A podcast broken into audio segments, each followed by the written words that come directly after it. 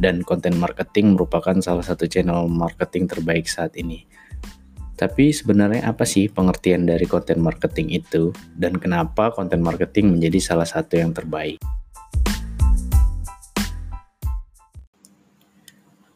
Nah, di episode ke-8 ini saya ingin berbicara tentang pengertian konten marketing.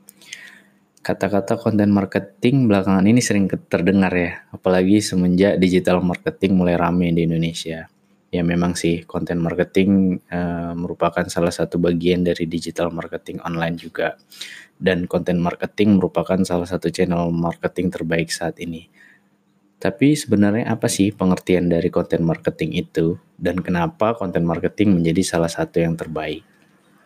Oke, jadi konten marketing adalah strategi pemasaran dengan merencanakan, membuat, dan mendistribusikan konten yang mampu menarik audiens atau calon klien yang tepat sasaran dan kemudian mendorong mereka menjadi customer atau klien. Saya ulangin ya pengertian konten marketing. Pengertian konten marketing adalah strategi pemasaran dengan merencanakan, membuat, dan mendistribusikan konten yang mampu menarik audiens atau calon klien yang tepat sasaran, dan kemudian mendorong mereka menjadi customer atau klien. Jadi di sini kuncinya ialah merencanakan, membuat, dan mendistribusikan. Itu itu tiga poin dari konten marketing. Jadi nggak hanya uh, melakukan pemasaran aja, tapi kita harus merencanakan. Setelah direncanakan, tentu kita buat kontennya. Nah, setelah kontennya jadi, baru kita distribusikan kontennya. Nah, harapannya dengan konten yang sudah kita rencanakan buat dan distribusikan tersebut, calon klien tadi akan menjadi customer kita. Nah, jadi berdasarkan pengertian dari konten marketing itu, ada dua tujuan dari konten marketing. Yang pertama, menarik audiens atau calon klien baru untuk mengenal bisnis atau brand kamu. Dan yang kedua, mendorong audiens atau calon klien untuk menjadi customer atau klien. Nah, ingat, jadi ada dua tujuan konten marketing. Yang tadinya nggak kenal dengan brand atau produk kamu, dia jadi kenal dengan produk atau brand kamu. Nah, setelah mereka kenal dengan produk atau brand kamu, mereka akan menjadi customer kamu gitu. Jadi jangan langsung ngejual, tapi dibuat dulu si calon customer kamu ini kenal dengan kamu. Siapa sih kamu sebetulnya? Apa yang kamu jual? Nah, setelah mereka tahu apa siapa kamu dan apa yang kamu jual, baru mereka mau menjadi customer kamu. Kira-kira seperti itu analoginya. Oke. Jadi jika dilihat dari bentuk, konten itu ada banyak macamnya berupa foto itu termasuk konten, video, artikel, podcast kayak sekarang ini, terus e-book dan sebagainya. Itu banyak lagi jenis-jenis konten kalau misalnya dari segi bentuknya. Tapi kalau dilihat dari sifatnya, konten itu dibagi dua, ada konten menghibur dan konten informasi. Coba kamu lihat sekarang di YouTube, di Instagram, atau di sosial media yang lain, atau di mana pun TV, itu kalau misalnya kamu lihat konten itu hanya dua. Kalau dia kalau dia nggak menghibur, ya dia informasi. Nah, dua konten inilah yang sering dikonsumsi oleh uh, pembaca atau customer kamu. Jadi kamu harus pilih nih konten yang mana yang sesuai dengan uh, bisnis kamu. Apakah konten yang menghibur ataukah konten yang informasi? Bisa saja dua-duanya kamu tampilkan nggak masalah. Oke. Nah, kenapa walaupun konten marketing ini menjadi salah satu channel marketing terbaik saat ini, tapi masih banyak uh, klien ataupun pemilik bisnis yang salah dalam melakukan konten marketing. Banyak terdapat kesalahpahaman orang terhadap konten marketing ini. Apa saja? Yang pertama, konten marketing itu bukan hanya tentang mempromosikan konten. Ingat ya, bukan berarti karena ada marketing di konten marketing yang artinya marketing itu pemasaran, terus semuanya tentang pemasaran kontennya. Bukan, bukan seperti itu. Tapi balik lagi seperti pengertiannya tadi. Konten marketing itu di dalamnya ada perencanaan, pembuatan, analisa, dan distribusi juga masuk ke dalam konten marketing. Gitu. Jadi nggak hanya terus-terusan tentang penjualan, tapi kamu harus memikirkan, kamu harus merencanakan. Setelah merencanakan, kamu membuat terus menganalisa kira-kira konten yang saya buat ini udah sesuai belum dengan target audiens saya gitu. Nah, setelah dibuat lalu didistribusikanlah konten tersebut ke calon customer kamu gitu. Nah, kalau di dalam marketing atau pemasaran itu kita kenal dengan istilah AIDA ya atau marketing funnel. AIDA itu attention, interest, D-nya itu desire, A-nya itu action. Nah, konten marketing itu sebetulnya harus mengandung istilah AIDA itu tadi atau marketing funnel tadi itu gitu. Itulah tahapan yang dilalui seseorang atau calon customer mulai dari pengenalan hingga pembelian. Nah, makanya konten kamu juga harus mengandung unsur AIDA tadi. Apa itu? Jadi kalau misalnya attention, calon customer itu sadar memiliki masalah dan ingin mencari solusi untuk masalah yang tersebut. Nah, itu customer di posisi attention. Nah, kamu juga harus buat konten yang seperti itu. Nah, yang kedua, interest. Calon customer mulai sadar nih dan tertarik untuk mempelajari atau membandingkan produk atau jasa kamu. Nah, sedangkan di D, desire, calon customer mulai menentukan bahwa produk atau jasa kamu adalah solusi untuk permasalahannya. Dan di action, calon customer melakukan pembelian produk atau jasa kamu. Nah, jadi melalui calon customer itu akan melalui uh, tahapan marketing funnel itu tadi. Pertama attention, dia mulai sadar kalau dia punya masalah, terus dia mau mencari solusinya, dia terus ke tahapan interest. Nah, di interest ini si customer mulai tertarik untuk mempelajari atau membandingkan uh, produk yang mulai kamu tawarkan. Nah, di desire, calon customer ini udah mulai menentukan, oh iya ternyata memang produk yang saya butuhkan untuk solusi permasalahan saya adalah ini. Gitu. Nah, di the action, customer udah mulai melakukan pembelian. Gitu. Jadi, kayak yang saya bilang tadi, konten marketing itu bukan hanya tentang mempromosikan, tapi kamu harus merencanakan, harus membuat terus harus menganalisa konten yang kamu buat itu seperti apa. Jadi jangan melulu tentang uh, penjualan, tapi kamu harus ngasih solusi. Justru malah konten penjualannya paling sedikit. Nah, masuklah ke kesalahpahaman yang sering terjadi di poin kedua. Konten marketing bukan berarti konten yang berisi marketing atau penjualan. Saya ulangin. Konten marketing bukan berarti konten yang berisi marketing atau penjualan. Kenapa? Karena calon customer kamu tidak langsung membeli, ingat marketing funnel atau AIDA tadi.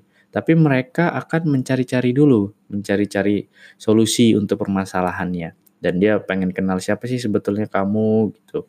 Uh, apa memang uh, produk yang kamu jual itu bagus dan kalian bisa menyelesaikan masalah mereka. Nah, maka di situlah proses attention dan interest tadi itu. Nah, kamu juga harus membuat konten di fase itu tadi. Nah, di pas di fase attention dan interest itulah calon customer mulai mengenal kamu karena kamu dianggap sebagai solusi permas solusi permasalahan mereka. Setelah mereka mengenal kamu, kemudian mereka akan melakukan pembelian. Ngerti kan? Nah, contohnya seperti ini. Saya kasih saya kasih contoh. Misalnya eh, Doni ingin membeli kopi kamu jualan kopi, ada customer namanya Doni. Doni ingin membeli kopi di di kamu, tapi kamu uh, Doni tidak mengenal kamu, gitu. Nah, Doni akan mencari informasi tentang permasalahannya. Dia akan mencari kopi apa sih yang enak, kopi apa sih yang sesuai dengan yang diinginkannya. Nah, di situlah peran uh, konten marketing tadi. Di situlah konten yang berisi tentang attention itu tadi bekerja. Uh, Doni akan mencari informasi tentang kopi yang tepat, kopi yang enak, bahkan kopi yang murah mungkin. Dia akan mencari di situ. Nah, ketemulah konten yang kamu buat kalau memang kamu sudah membuat konten yang berisi attention tadi gitu. Nah, setelah Doni membaca konten yang sudah kamu buat, nah Doni bakalan kenal dengan produk atau brand kopi kamu gitu. Oh, ini ternyata ada uh, brand yang sesuai banget nih dengan saya gitu. Nah, di situlah fase masuk ke fase interest sama desire-nya si Doni di konten kamu itu. Nah, coba bayang setelah dia setelah si Doni sadar, oh ya ternyata memang uh, produk kopi yang kamu jual itu sesuai dengan produk uh, yang Doni inginkan. Nah, masuklah dia ke fase action. Di situlah Doni memutuskan, oke, okay, saya akan membeli kopi ini karena kopi ini sesuai dengan yang saya mau karena kopi ini yang akan menjadi solusi untuk permasalahannya. Nah, coba bayangkan kalau misalnya kamu tidak menyediakan konten attention atau interest. Otomatis Doni tidak akan tahu brand atau produk kopi yang kamu jual.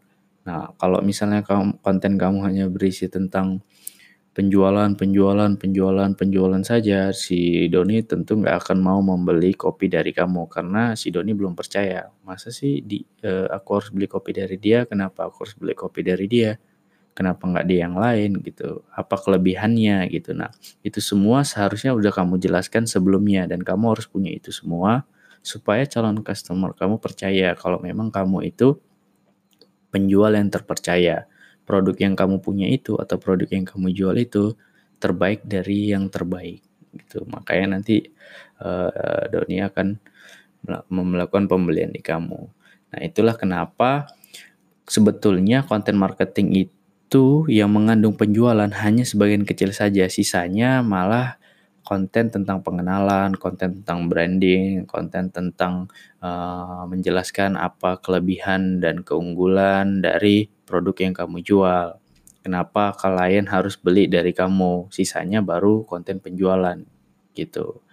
Jadi uh, itu tadi dua kesalahpahaman yang sering terjadi di orang umum yang menganggap konten marketing itu jadi konten marketing itu bukan hanya tentang mempromosikan konten yang pertama dan yang kedua konten marketing bukan berarti konten yang berisi marketing atau penjualan.